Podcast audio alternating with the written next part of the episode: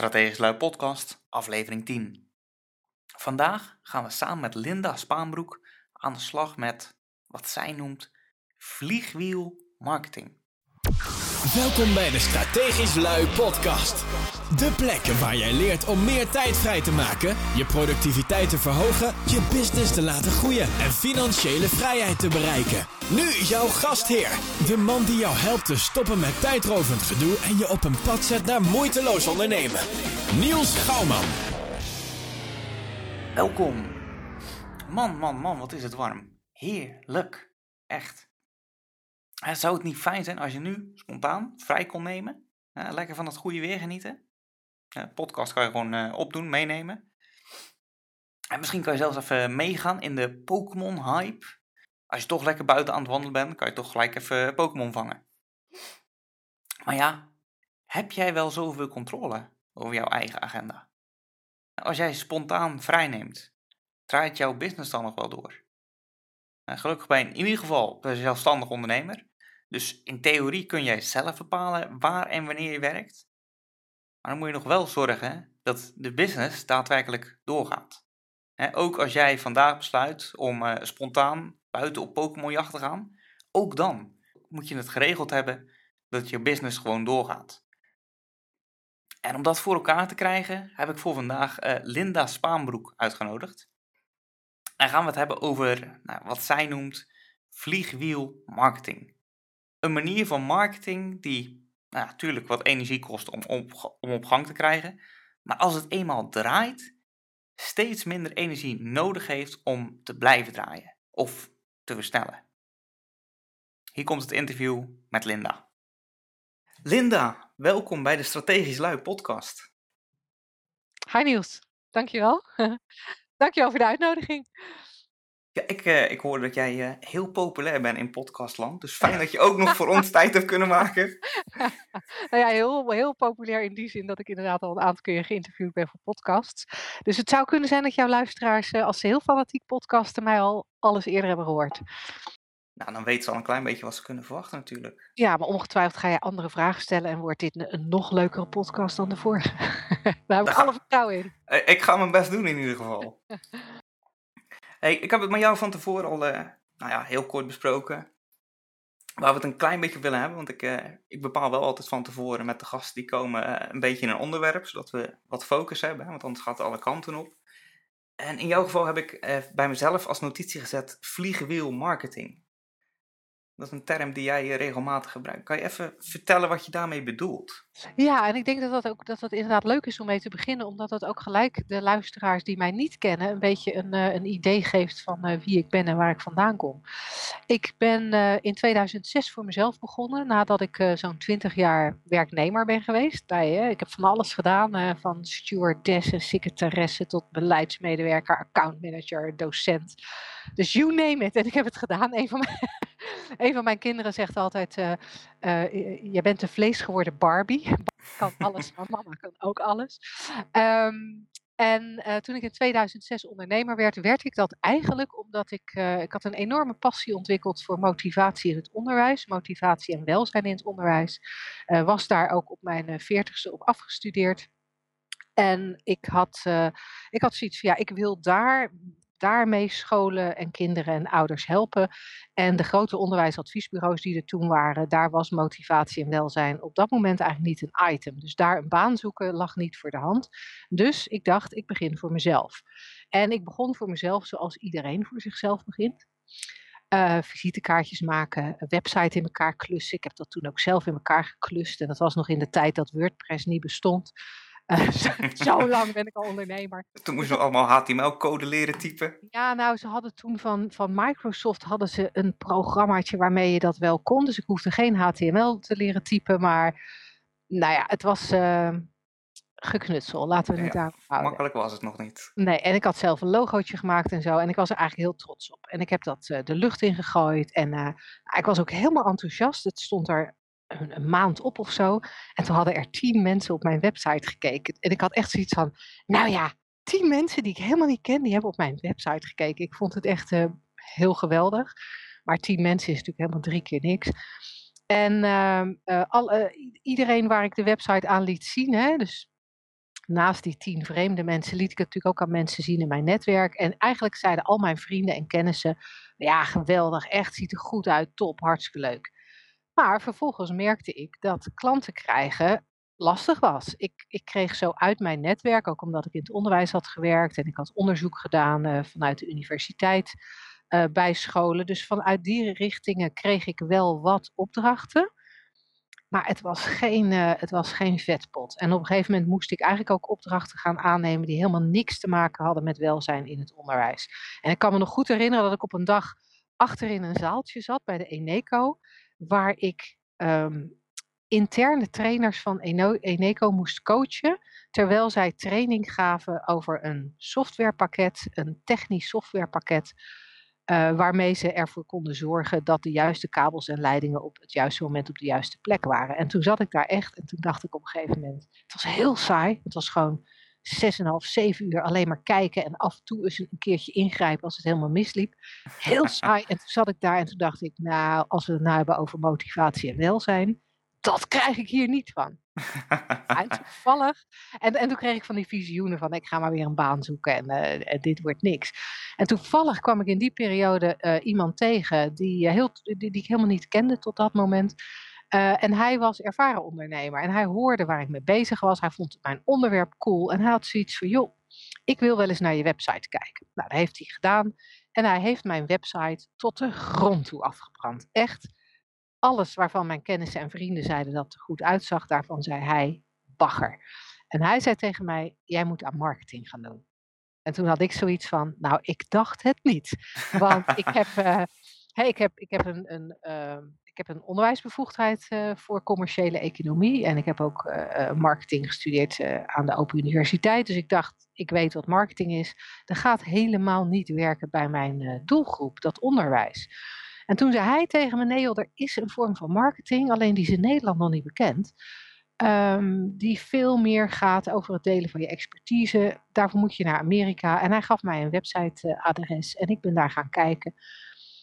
Ik ben me daar meer in gaan verdiepen. Ben in eerste instantie begonnen met een online programma aan te schaffen, wat toen in Nederland nog helemaal not done was. Dus dat was heel nieuw. Eh, heel spannend om 500 dollar over te schrijven naar iemand en niet zeker te weten of je er wel echt iets voor terugkreeg. Maar dat gebeurde wel. En uh, ik ben daarmee aan de slag gegaan en eigenlijk met een paar maanden tijd zag ik daarvan het effect. Ik werd met een paar maanden tijd gevraagd om te spreken op uh, de NOT, dat is de grootste onderwijsbeurs in Nederland. Stond daar voor een zaal van 500 mensen. Uh, en ik begon gebeld te worden door schoolbesturen. En, en met, met kleine opdrachten, maar ook met grote opdrachten. Ik, ben, ik heb bij één schoolbestuur 500 leerkrachten getraind. En dat is voor een eenpitter echt een, eh, een, flinke, een flinke opdracht om 500 eh, mensen er doorheen te jagen in korte tijd. En um, toen gingen collega's aan mij vragen van, uh, hey Linda, jij bent korter bezig dan wij als onderwijsadviseur, maar jij hebt zo te zien makkelijker klanten. Wat doe jij? Kun je mij dat ook leren? Ja, en toen ik dat een aardig aantal keren te horen kreeg, en toen vervolgens ook die man die mij ooit had gezegd: Jij moet aan marketing gaan doen, toen hij tegen mij zei: Joh, Linda, waarom word jij niet marketingcoach en trainer? Want jij snapt het. En jij, jij hebt bewezen dat je het kan, ook bij, bij zoiets als een onderwijsadviesbureau. Waarom ga jij dit niet andere ondernemers leren? Daar is, daar is echt noodzaak toe. En jij, jij kan dit goed overbrengen. Nou ja, toen, weet je, toen kwamen er twee dingen samen dat ik dacht: nou ja, oké. Laat ik dat maar eens proberen. Dus ik heb een, uh, ben een website, ik heb een website gestart en ik ben een easy nieuwsbrief gestart voor infomarketeers, mijn huidige bedrijf. En um, daar ben ik in april 2009 mee gestart. En dat heeft echt een hele vliegende, vliegende vaart genomen. Um, dus dat was heel fijn. Maar wat ik natuurlijk wel merkte, als ik wilde overbrengen wat ik zelf inmiddels geleerd had en wat ik op hele verschillende plekken bij elkaar geplukt had, bij verschillende marketingdeskundigen in Amerika en Engeland en Ierland, ja, dan, dan moest dat wel een coherent verhaal zijn. Want zomaar wat neerleggen, dat schiet natuurlijk niet op. Dus ik ben heel erg gaan kijken van wat zijn nou de exacte stappen die je moet zetten om een, een dienstverlenend bedrijf, want ik richt me wel op dienstverlenende professionals, om een dienstverlenende bedrijf, om daar op een makkelijke manier een gestage stroom klanten eh, voor te krijgen, zodat je nooit meer koude acquisitie hoeft te doen. En, eh, ja, en je eigenlijk toch ook min of meer verzekerd bent van, eh, van, van inkomen. En natuurlijk, je kan als ondernemer natuurlijk nooit zeggen dat je 100% verzekerd bent van inkomen. Maar als ik naar mezelf kijk, naar nou zeker de afgelopen 7, 8 jaar, dan ik weet gewoon zeker dat ik kan eten. Ik weet gewoon zeker dat ik op vakantie kan. Weet je, er komt echt altijd voldoende binnen. En dat is natuurlijk heerlijk als je die zekerheid hebt, omdat je het trucje kent om die klanten uh, binnen te laten komen. Nou, dat stappenplan wat ik heb ontwikkeld, dat heb ik vliegwielmarketing genoemd. En dat is niet een toevallige naam. Dat heeft te maken met het feit dat een vliegwiel, als je dat op gang wil brengen, kost dat vrij veel energie draait een vliegwiel eenmaal, dan kan je het eigenlijk met steeds minder input van energie steeds harder laten draaien. En dat is bij mijn vorm van marketing ook zo. Weet je, als je die stappen die ik je kan geven de eerste keer zet, dan zal je daar echt energie in moeten steken. Ik ben niet een van die mensen die gelooft in magie. Dat als je nou maar het juiste denkt en het juiste doet, dat de miljoenen bij je binnen kunnen komen stromen zonder dat je er iets voor hoeft te doen. Ik denk dat het energie kost om een bedrijf te bouwen. Maar als je dat, hè, zoals bij mij, in, in, in hele keurig afgeronde, duidelijke stappen kan doen, dan steek je die energie er één keer in. En vervolgens blijf je natuurlijk wel energie in je bedrijf steken, maar de hoeveelheid energie die je erin steekt wordt minder en minder en minder, omdat jouw vliegwiel gaat draaien als dat vliegwielmarketingsysteem voor jou één keer geïmplementeerd is, dan kun je het met steeds hogere snelheid laten draaien. En dat betekent in dit geval met steeds, steeds meer mensen uh, contact hebben, steeds meer leads, steeds meer klanten, steeds meer omzet. Uh, met steeds minder energie. Dus vandaar dat vliegwiel. En ik zit nu achter, achter mijn microfoon heel hard met mijn handen te draaien om dat vliegwiel aan je te laten zien. maar denk dat er even bij als luisteraar. Ja, en dat vliegwielmarketing, als ik hem even goed begrijp van jou, is dat een samenvatting van eh, wat jij in al die jaren aan kennis hebt opgedaan eh, via je eigen ervaring en via de cursussen die jij hebt gevolgd overal en nergens. En dat is een, is een bundeling geworden. Ja, het is echt een systeem geworden en het is een systeem dat ook vertaald is naar de Nederlandse markt. Hè? Want wat ik in Amerika en Engeland aan kennis heb opgedaan, nou, sommige dingen daarvan, veel daarvan werkte. En een aantal dingen werkten absoluut niet op de Nederlandse markt. En er waren een aantal dingen die echt aangepast moesten worden aan de Nederlandse en eigenlijk ook wel de Vlaamse markt. Ik werk ook uh, uh, zeer regelmatig met Vlaamse klanten. Um, en dat heb ik gedaan. En, en ja, dat is uiteindelijk doorontwikkeld tot, tot echt een stappenplan, waar je bij stap 1 kunt beginnen. En, en steeds een volgende stap doet. In mijn business building programma bijvoorbeeld, dat echt voor starters is en mensen die in de, in de opbouwfase van een bedrijf zitten. Dus mensen die merken van ja, ik ben misschien wel een paar jaar bezig, maar echt, echt een goede boterham heb ik niet. Dat business building programma, daar beginnen we ook gewoon bij stap 1. En over een periode van een, van een jaar doorloop je elke maand één van die stappen. Um, dus ik neem je echt aan de hand. En als je elke stap implementeert, dan kan er niks anders gebeuren dan dat er omzet uitkomt. En dat is echt heel cool. Ja, dan weet je gewoon echt van nou, als je dit doet, dan komt alles goed.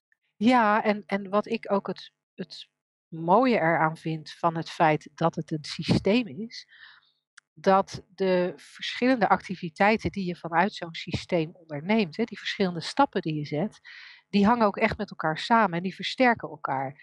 Dus met die stappen weet je zeker dat je synergie creëert. Terwijl je natuurlijk ook kan zeggen, weet je, er is zoveel op internet te vinden. Ik, uh, uh, ik, ik hoor iets over Facebook en ik hoor, ik hoor dingen over nieuwsbrieven en ik hoor dingen over podcasts zoals jij nu doet. En nou ja, van alles en nog wat. Ik hoor dat je iets met een niche moet. En ik zie heel veel mensen die, en met de beste bedoelingen, met groot enthousiasme, al die losse elementen uh, gaan toepassen op hun bedrijf. En dan eigenlijk een beetje van een koude kermis thuiskomen. Omdat ze merken van ja, maar ik, ik, ik hoor zeggen dat Facebook zo goed werkt. Bij mij doet het niks. en, en dat heeft vaak te maken met het feit dat er een aantal ja, eigenlijk een aantal elementen van dat vliegwiel ontbreken. Dus dan heb je eigenlijk maar één stapje, of een, zelfs een substapje van het vliegwielmarketingsysteem gedaan met Facebook.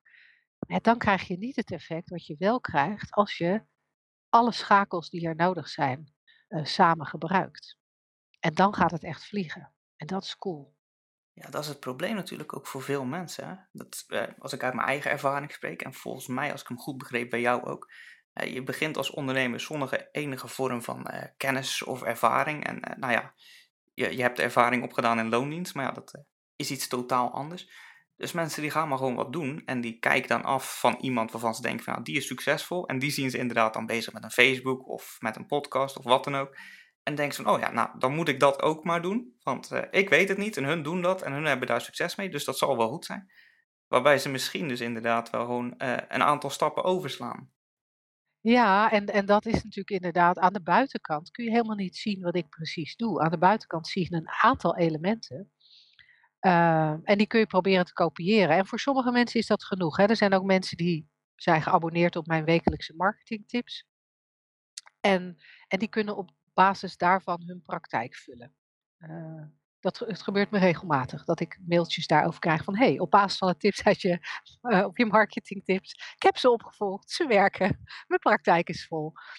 Ehm, dat is natuurlijk dat is, dat is onwijs tof. Ehm, maar vaak zijn losse tips niet genoeg. Vaak, vaak heb je gewoon toch inderdaad die, eh, die, die samenhang nodig, zodat de dingen echt goed op elkaar ingrijpen. En wat ik net al zei, dat woord synergie vind ik dan toch wel een beetje toverwoord.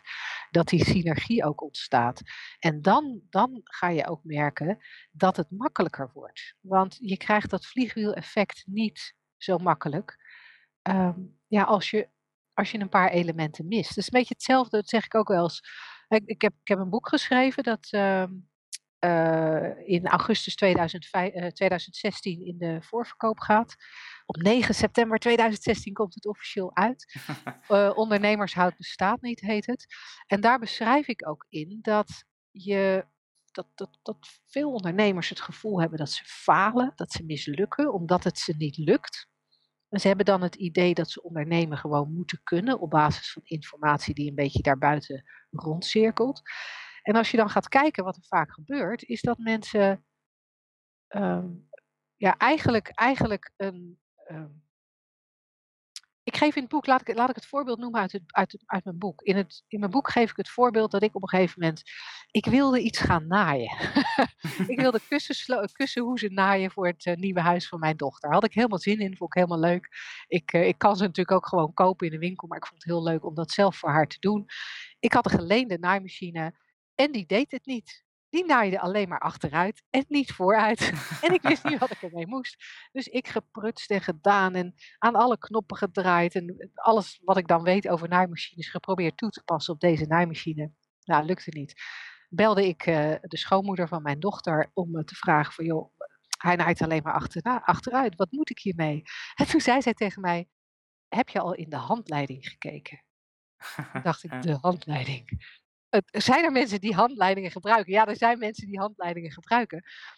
Maar toen realiseerde ik me ook dat, dat door die handleiding erbij te pakken, was het een kwestie van gewoon eventjes de stappen volgen uit die handleiding. En die machine die deed het weer. En dat is bij ondernemen ook. Bij ondernemen kun je ook een handleiding volgen. En dan werkt het beter dan wanneer je zelf het probeert te verzinnen. En gek genoeg snappen we dat allemaal als we ons vak inhoudelijk ergens in willen bekwamen. Hè, er, is, er, is, er is geen therapeut of schoonheidsspecialiste of hondentrainer die denkt: kom, ik word hondentrainer.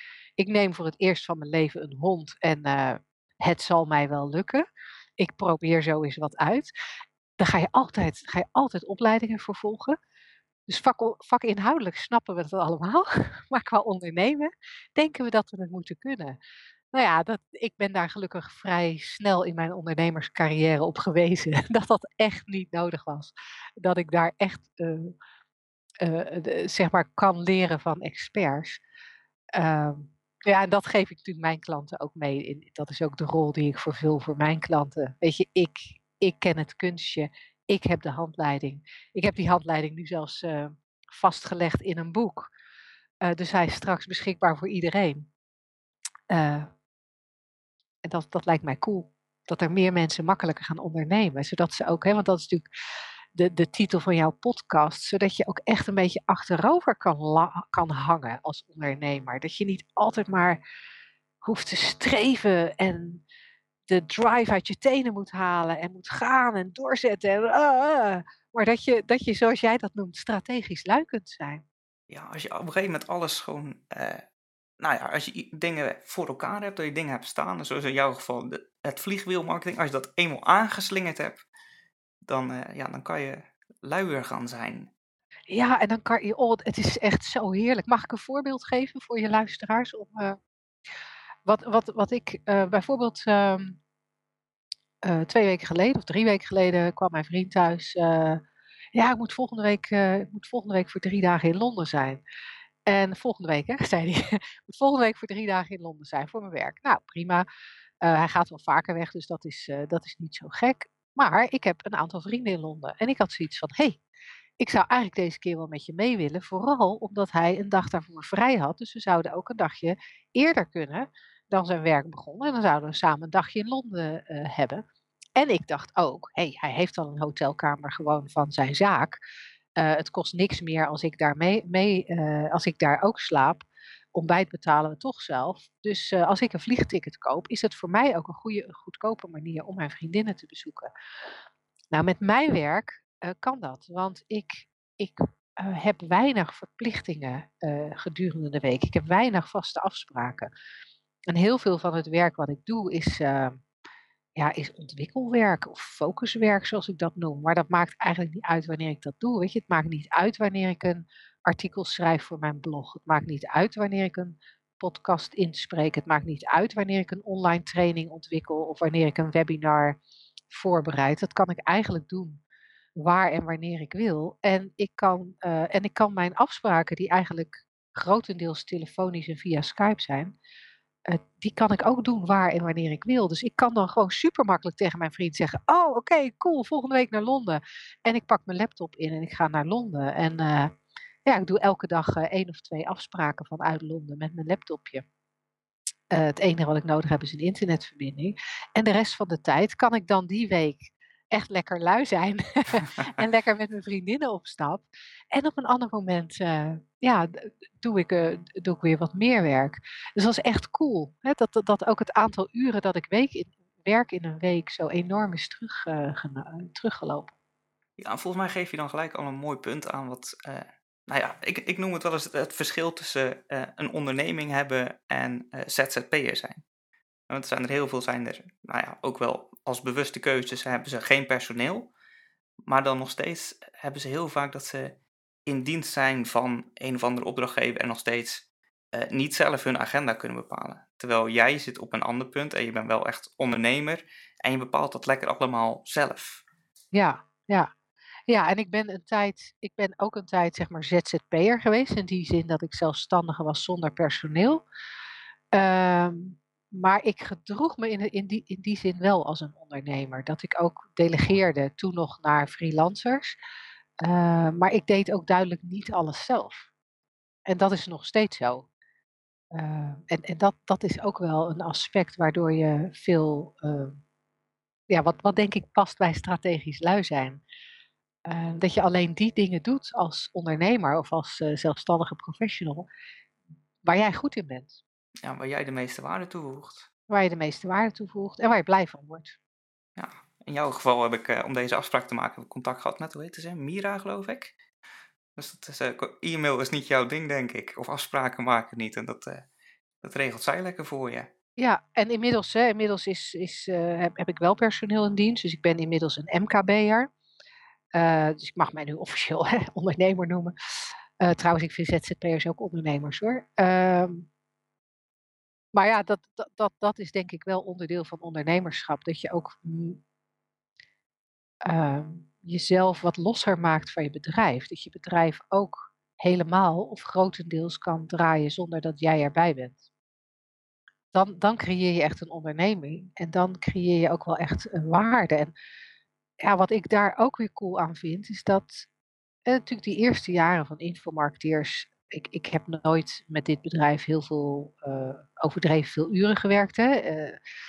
Uh, 40 uur is altijd wel mijn maximum geweest, maar ik zat eigenlijk vrij snel op iets van 26, 28 uur in de week. Nu meestal zo'n 24 uur in de week. Ehm, en, en soms minder. Hè. Als ik naar Londen ga, dan ineens veel minder. ik heb ook veel meer vakantie dan andere mensen. Ehm, ik, heb, ik heb veel meer vakantiedagen dan andere mensen gedurende het jaar. Maar wat was nou het punt wat ik wilde maken? Dan leid ik mezelf af door over iets anders te beginnen. Wat zei ik nou als laatste? Je hebt veel meer vakantie dan iedereen. Ja, ja, maar daarvoor, daarvoor begon ik, uh, begon ik iets te zeggen. Oh ja, dat ik in het begin van Infomarketeers natuurlijk wel wat meer uren draaide. Dan zat ik wel vaak uh, uh, tegen die 40 uur aan. Um, maar naarmate mijn onderneming beter loopt, kan ik, kan ik er en, en ik meer kan delegeren aan andere mensen, uh, krijg ik mijn handen vrij. Ten eerste om aan de ontwikkeling van het bedrijf te werken, dus daar kan het ook weer door groeien. Uh, maar ten tweede ook door me meer bezig te houden met dingen die me op dat moment interesseren. Want wat ik veel zie bij ondernemers is dat dat, dat, dat mensen zijn die ja, weet je, dan heb je iets staan en dan wil je eigenlijk wel weer door. Veel, veel ondernemers zijn starters, zijn opstarters uh, en, en niet zozeer afmakers. En dat merk ik ook in mijn bedrijf, dat ik veel van het afmaakwerk nu door anderen kan laten doen. En omdat Infomarketeer staat en ik dat met, met gewoon minder tijdsinvestering wel op een kwalitatief hoogwaardige manier qua dienstverlening kan doen, heb ik ook mijn, andere, mijn handen vrij voor andere leuke projecten. En voor mij heeft dat geresulteerd uh, bijvoorbeeld in een project waar ik ook podcasts doe, net als jij. Maar een project dat over geluk gaat en wat gaat over moeitelozer leven.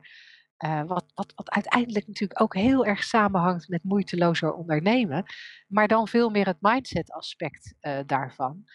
En dat heb ik kunnen ontwikkelen omdat ik me niet te pletten hoef te werken binnen infomarketeers. En dat is wel cool, want dat geeft mij natuurlijk ook het, enthousiasme en de inspiratie van, van het nieuwe dingen doen. Wat ik als ondernemer graag doe. Maar het is ook van meerwaarde voor mijn klanten, want die pikken nu ook ja, die, die, die moeiteloze of die zorgeloze zaken doen een mindset mee. Uh, zoals ik dat graag doe. Dus dat is wel gaaf. Ik, hoor, ik, ik hoor aan mezelf dat ik veel het woord gaaf en cool gebruik. Ik ben daar ook enthousiast over. Sorry. nou ja, dat mag ik toch ook? Daar heb jij, uh, dat heb jij zo opgebouwd. Daar heb jij hard voor moeten werken ook. Ja, maar ja, ja dat. En, en, en tegelijkertijd ben ik ook zo enthousiast om dit over te dragen aan andere dienstverleners. Weet je, dat dit kan. En daarom vond ik het ook super leuk dat je me uitnodigde voor deze podcast. Want je, hoe meer zelfstandige professionals weten dat het echt makkelijker kan, hoe, hoe liever het mij is. En dat is natuurlijk ook de reden waarom ik dat boek heb geschreven. Omdat ik echt zo graag wil dat heel veel mensen weten dat het, je hoeft echt niet te ploeteren. Hoeft echt niet.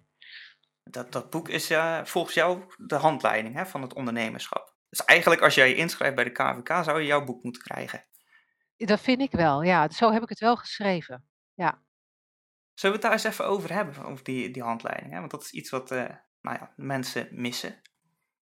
Of, um, nou ja, inderdaad. Laten we zeggen van, uh, je bent naar de KVK geweest, je hebt je ingeschreven. En voor de rest heb je nog geen enige vorm van kennis of ervaring met ondernemen. Waar begin je dan? Nou, kijk, wat mij betreft, in, in mijn boek beschrijf ik een aantal business basics. Waarvan ik zeg, weet je, die moet je eigenlijk gewoon in orde hebben. Een, een bankrekening, keurige visitekaartjes. Uh, ik, ik, ik vind dus dat je een zakelijke bankrekening moet hebben. Ik vind echt niks verschrikkelijker dan als ik ergens iets bestel en ik moet overmaken aan de heer Jansen en of mevrouw Pietersen. Dan denk ik, kom, dit is geen bedrijf. dus ik vind dat je een zakelijke bankrekening moet hebben. Uh, en zo benoem ik nog een aantal dingen waarvan ik zeg dat zijn echt business basics. Zorg dat je dat, uh, dat, je dat op orde hebt en dat je, dat je minimaal weet hoe dat werkt. Ja, en dan kom je ook in ieder geval geloofwaardiger over als zijnde een professionele ondernemer. Precies, precies. En dan vervolgens is uh, wat mij betreft stap 1 dat je Hè, want dan, begin ik, dan kom ik eigenlijk in de, in de stappen waarmee je echt je bedrijf opbouwt. Waarmee je echt een fundament legt voor een, een toekomstbestendig bedrijf. Ik, ik, geef in het boek ook aan van, weet je, veel te vaak bouwen mensen een bedrijf, maar missen ze eigenlijk een, een aantal heipalen. En naarmate je, je omzet dan gaat stijgen, uh, je eigenlijk een, een, groter huis gaat bouwen op, uh, op, die, op dat fundament, dan gaat het verzakken omdat je heipalen mist. Nou, en in dit boek geef ik je de juiste heipalen en dan kan je, dan kan je daar een bescheiden huisje op bouwen als je dat voldoende vindt. Maar het, is, het fundament is dan wel stevig genoeg om daar ook een flatgebouw op te bouwen, als dat je ambitie is. Of als je daar in de loop der tijd achter komt dat je dat eigenlijk uh, graag zou willen. Zijn die heipalen ook nog van toepassing als je, nou ja, je, bent dat huis al aan het bouwen geweest en het begint nu te verzakken? Kan je die heipalen er achteraf nog uh, eronder proppen? Ja, gelukkig wel. Bij echte huizen is dat vaak een beetje moeilijk. Nou ja, wij hebben dat gedaan. Het, uh, twee jaar geleden heb ik samen met mijn vriendin een, een bouwval gekocht. En die was uh, nou ja, toch wel een behoorlijk end verzakt uh, halverwege het huis. Dat stond op instorten. En toen hebben we gelukkig een kennis gehad die zei van, nou, ik kan dat wel recht. Nou, toen hij eraan begon, kon hij het niet recht zetten. Maar hij kon er in ieder geval inderdaad nog, nog palen onder drukken, zodat het niet meer verder zou verzakken. Dus het, het kan wel, inderdaad. Dus het kan in werkelijkheid, het kan ook onder je bedrijf. Want dat, dat merk ik ook hè, aan de, uh, het, uh, manuscript van het boek is door een aantal mensen gelezen, omdat ik natuurlijk ook graag wilde weten uh, of het goed genoeg aansloot bij de doelgroep waar ik het voor schreef. En het, grappige was dat, dat eigenlijk iedereen wel iets had waarvan die zei: Oh, maar, oh, maar dat. Vandaar dat het bij mij niet werkt. Want dat, dat was dan zo'n heipaaltje die zij vergeten waren. En ja, en, vaak heb je dat niet in de gaten. Soms gaan er kleine dingetjes, uh, kleine dingetjes mis. Soms qua mindset, soms qua actie nemen. Uh, waardoor het eigenlijk een hoop geploeter wordt. Ik heb in mijn boek ook allerlei ploeter-alerts. Omdat ik gewoon weet waar het fout kan gaan. En daar wil ik, daar wil ik de lezers graag alvast voor waarschuwen. Um, maar zullen we even teruggaan naar, naar, naar zo'n eerste stap? Hè? Want daar vroeg je naar van, ja, waar, waar begin je dan mee? Nou, wat mij betreft valt of staat het met een, wat ik in het boek een hongerige markt noem. Je hebt een, uh, uh, als we het in marketingtermen noemen, dan heb je het over een doelgroep groep of een niche. Uh, ik, ik, ik gebruik dat woord in het boek natuurlijk wel, maar waarom ik het ook over een hongerige markt heb, is omdat we een doelgroep en een niche vaak zo een beetje klinisch en analytisch beschouwen. En dan denken we dat we een doelgroep, dat we die gewoon zelf moeten verzinnen of zelf kunnen verzinnen. Uh, maar een doelgroep is niet altijd een hongerige markt. Een hongerige markt is pas een hongerige markt als, ze, uh, uh, als het, als het een, een, groep mensen is die je kunt identificeren als groep, en die een, een probleem hebben, wat zij als zo erg ervaren, dat ze het willen oplossen en dat ze willen betalen voor de oplossing. En daar gaat gelijk al vaak iets fout er zijn heel veel zelfstandige professionals die heel deskundig zijn op hun vakgebied. Zoals ik ook heel deskundig was als motivatie-expert. En dan kun je als deskundige zien dat er dingen fout gaan. Ik kon in het onderwijs heel goed zien wat er misging, waardoor de motivatie van kinderen naar beneden ging, waardoor de motivatie van leerkrachten naar beneden ging. En waarom? En waardoor schoolprestaties lager waren. Kon ik zien maar demotivatie was niet een probleem waar destijds in het onderwijs aandacht voor was. Dat werd zelden als een probleem ervaren en zeker niet als een probleem waar ze voor wilden betalen om het te laten oplossen. Dus zoals ik het in het boek ook beschrijf, je, mensen of organisaties moeten pijn hebben, een wond hebben en ze moeten willen betalen voor de pleister. En als ze niet willen betalen voor die pleister, om wat voor reden dan ook, omdat de kleur ze niet aanstaat of omdat ze die wond gewoon niet zo erg vinden. Ja, weet je, ik heb wel een wondje op mijn vinger, maar ziet er komt dan een korstje op, niks aan de hand. Dan, dan gaan ze jou niet betalen. Dus je hebt echt die hongerige markt nodig, die pijn ervaart en die wil, oplossen, die wil betalen voor het oplossen van die pijn. En kan je van tevoren weten of dat ze hongerig zijn? Ja, ja, dat kan je weten. Maar dat moet je wel onderzoeken daar moet je, daar moet je voor op onderzoek. En in het, in het, uh, in het boek beschrijf ik ook uh, hoe, je dat, uh, hoe je dat doet. is ook allemaal niet zo ingewikkeld. Weet je, in mijn, in mijn business building programma ja, gaat, weet je, eigenlijk iedereen die door mijn business building programma heen gaat, die, die, die moet dat doen. het, het komt er eigenlijk op neer dat je in gesprek gaat met, met mensen uit wat je vermoedt dat je doelgroep is. Ehm, en, en die gesprekken die voer je wel op een specifieke manier. In het business building programma ga ik daar diep op in. In, in, uh, in dit boek uh, laat ik in ieder geval zien hoe. Ehm, maar zo'n handleiding is natuurlijk altijd weer wat beknopter dan een hele, een hele jaartraining. Uh, maar ook in de handleiding laat ik zien welke type vragen je moet stellen om, ja, om een goed gesprek te hebben met mensen uit je doelgroep. En daar krijg je zoveel informatie uit. En uit die, op basis van die informatie kun je verder gaan zoeken. Dan kun je ook op internet, uh, ja, wat ik noem technische marktonderzoek gaan doen. Dan kan je ook gaan kijken van, hey, zijn er fora waar mensen met dit probleem samenkomen? Zijn er websites waar mensen met dit probleem samenkomen? Zijn er Facebookgroepen voor? Zijn er, wordt er veel over getwitterd? Weet je, zijn er boeken over geschreven? Zijn er tijdschriften die daaraan gewijd zijn? En dan krijg je meer en meer een beeld van de mate van hongerigheid van je markt. Uh, en kom je er ook achter of uh, de pijn die jij hebt geïdentificeerd ook een pijn is die, die, waar mensen voor willen betalen om op te lossen. En je komt er ook achter of mensen het überhaupt herkennen als pijn. Soms vinden mensen iets helemaal niet eens een probleem. Kan jij het wel een probleem vinden? Ik vind het geen probleem. En uh, uh, ja, en er zijn, er zijn ook momenten waarop je erachter komt van ja, mensen vinden het wel een probleem. Maar ze vinden jouw oplossing gewoon niet een goede pleister. Ze willen het probleem wel oplossen, maar niet met wat jij hen aanbiedt. Nou, dan is er ook geen sprake van hongerige markt. In, het, in het boek identificeer ik eigenlijk ook vier verschillende doelgroepen uh, die je kunt treffen. En dan doelgroep categorieën in feite. En, uh, ja, ja, en, en bij elk van die categorieën kan ik je ook heel specifiek aangeven wat je zult moeten doen om daar nog een succes van te maken. Of uh, er is ook een categorie bij waarvan ik zeg, nou, geef het maar op. Laat, zoek iets anders. zoek alsjeblieft een, andere, een, een, een ander probleem om op te lossen. Ja. ja, dan is het goed om te weten dat je daar in ieder geval mee begint dan. Hè? Dus dat je niet al jaren bezig bent en dan achteraf erachter komt van, oh ja, dat is eigenlijk, uh, ja, niemand heeft er behoefte aan.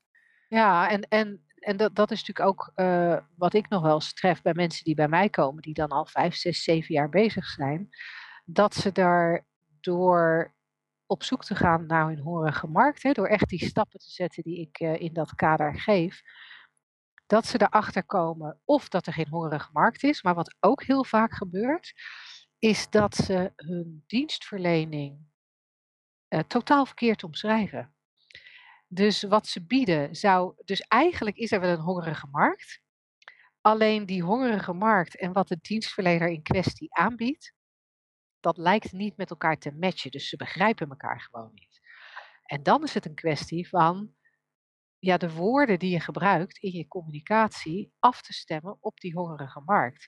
En als je dat gaat doen, uh, dan blijkt uh, ja, dan, dan blijkt iets wat heilloos leek, toch ineens heel veel potentie te hebben. Dus dat kan je ook nog treffen.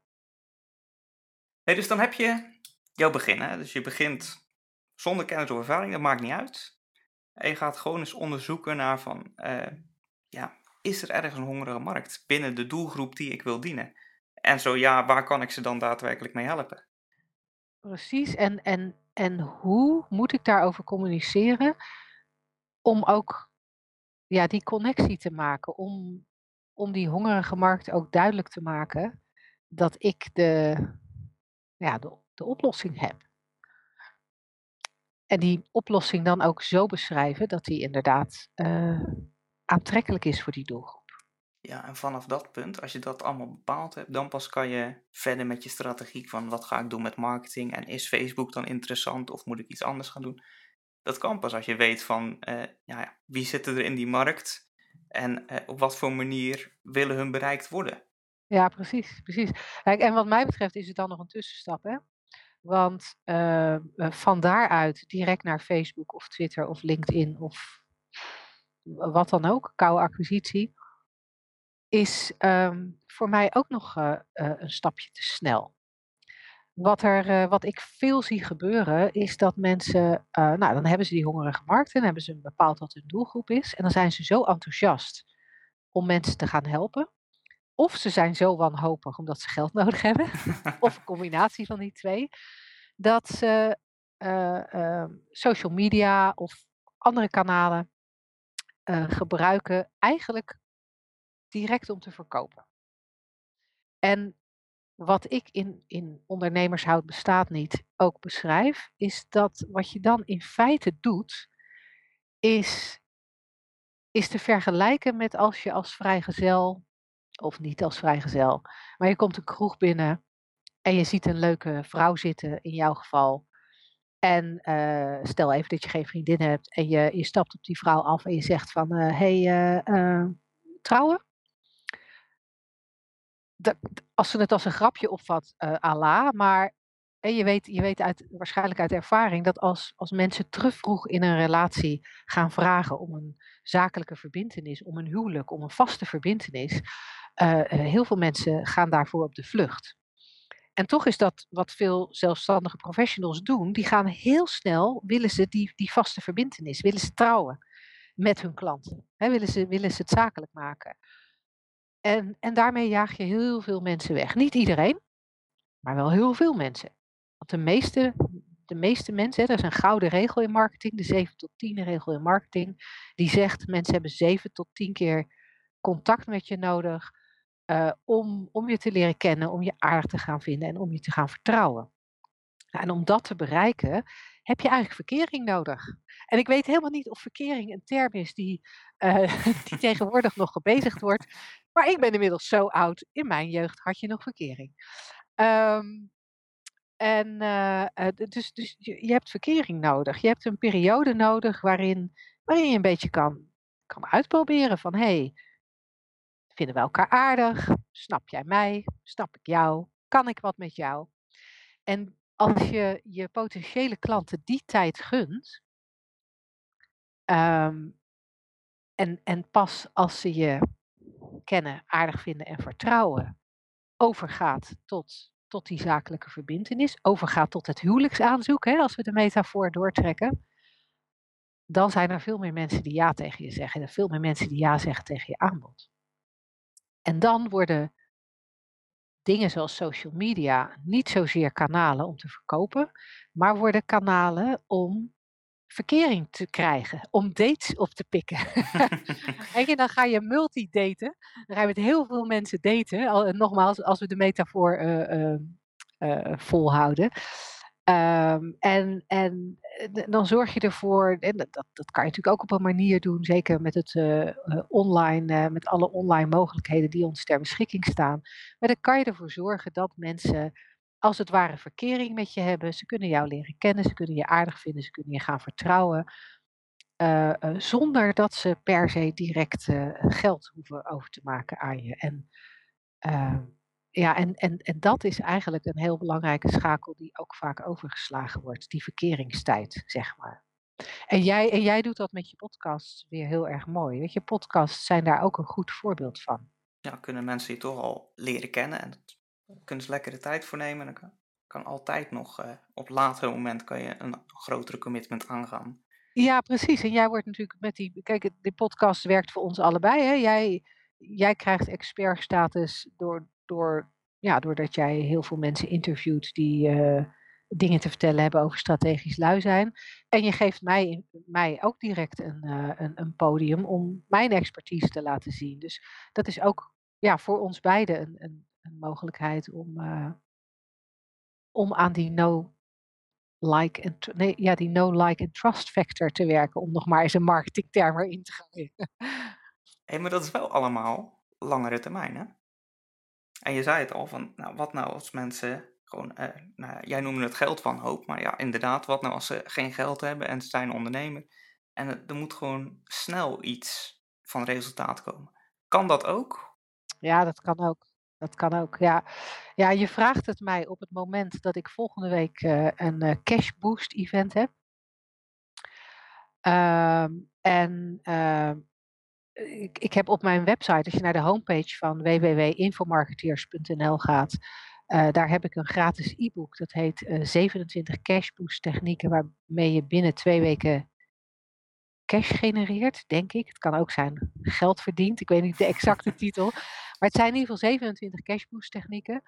Uh, ja, die zijn er wel degelijk. En, en die zijn hartstikke gaaf om in te zetten. En dat is ook de reden waarom ik er een paar keer per jaar ook een event over doe. Zodat ik echt met mensen aan de slag ga om uh, die cash boost voor hun te realiseren. Uh, want we hebben natuurlijk allemaal wel eens, weet je, of het nou is omdat je de BTW vergeten bent te betalen, of omdat je, of te reserveren en je moet hem nog betalen, of dat je denkt van ik wil op vakantie.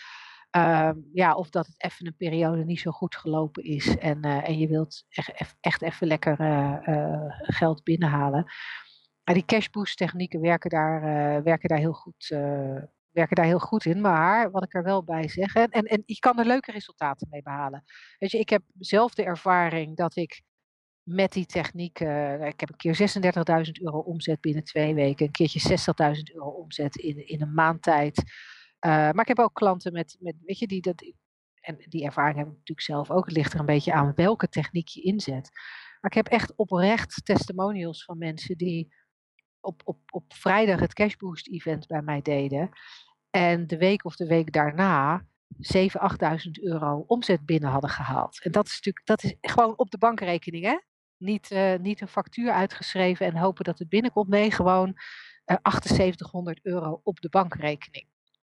Nou, dat is natuurlijk super cool als je 127 of 147 euro voor een event betaalt en dat levert je binnen twee weken zo'n uh, return on investment op. Uh, dus dat zijn hele coole dingen, maar wat ik er altijd bij zeg, je bouwt een bedrijf niet op losse techniekjes. Ze zijn cool, ze zijn gaaf. Ik zet ze natuurlijk ook wel eens in. Um, en, en ja, hartstikke leuk. We hadden rondom mijn verjaardag, ik ben dit jaar 50 geworden, rondom mijn verjaardag hadden we een verjaardagsactie. We hadden 50 uur lang 50% korting op uh, al mijn uh, online producten. Nou, coole actie. En een voorbeeld van een cashboost. Want dat betekent dat ik in die 50 uur echt ineens een flinke smak, smak geld binnenhaal. Uh, en tegelijkertijd natuurlijk mijn volgers ook een hartstikke leuke, ja, een hartstikke leuke korting geeft. Dus het is een beetje een win-win voor twee kanten. en bij producten kan dat prima. Dus is een voorbeeld van een cashboost. En zo zijn er dus nog 26. Ja, en dat is voor die mensen dan natuurlijk ook fijn als ze in die, in die geldwanhoop zitten, dat ze in ieder geval weer even uit de problemen zijn. En dan kunnen ze uh, beter de tijd nemen om met de echte fundamentele zaken aan de slag te gaan. Ja, ja, en dat is ook, hè, als ik zo'n event dan volgende week vrijdag ook weer doe, dat is, dat is wat ik op die events ook echt benadruk. Geweldige technieken, heerlijk om even rust voor jezelf te creëren.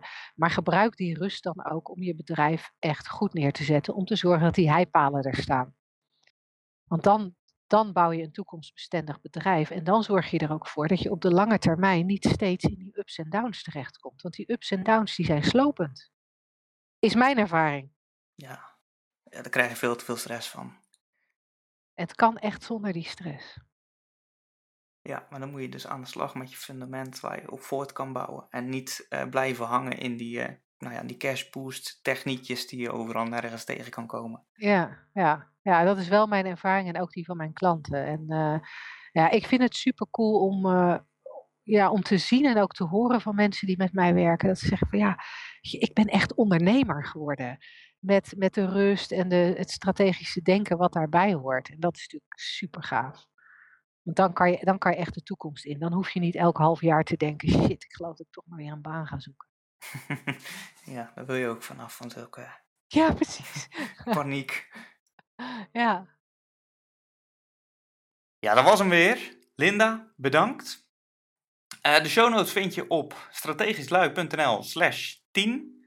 Daar staan dus uh, onder andere links naar de website van Linda, naar de 27 cash boosters en natuurlijk ook naar het, uh, naar het boek Ondernemershoud bestaat niet, wat binnenkort uitkomt.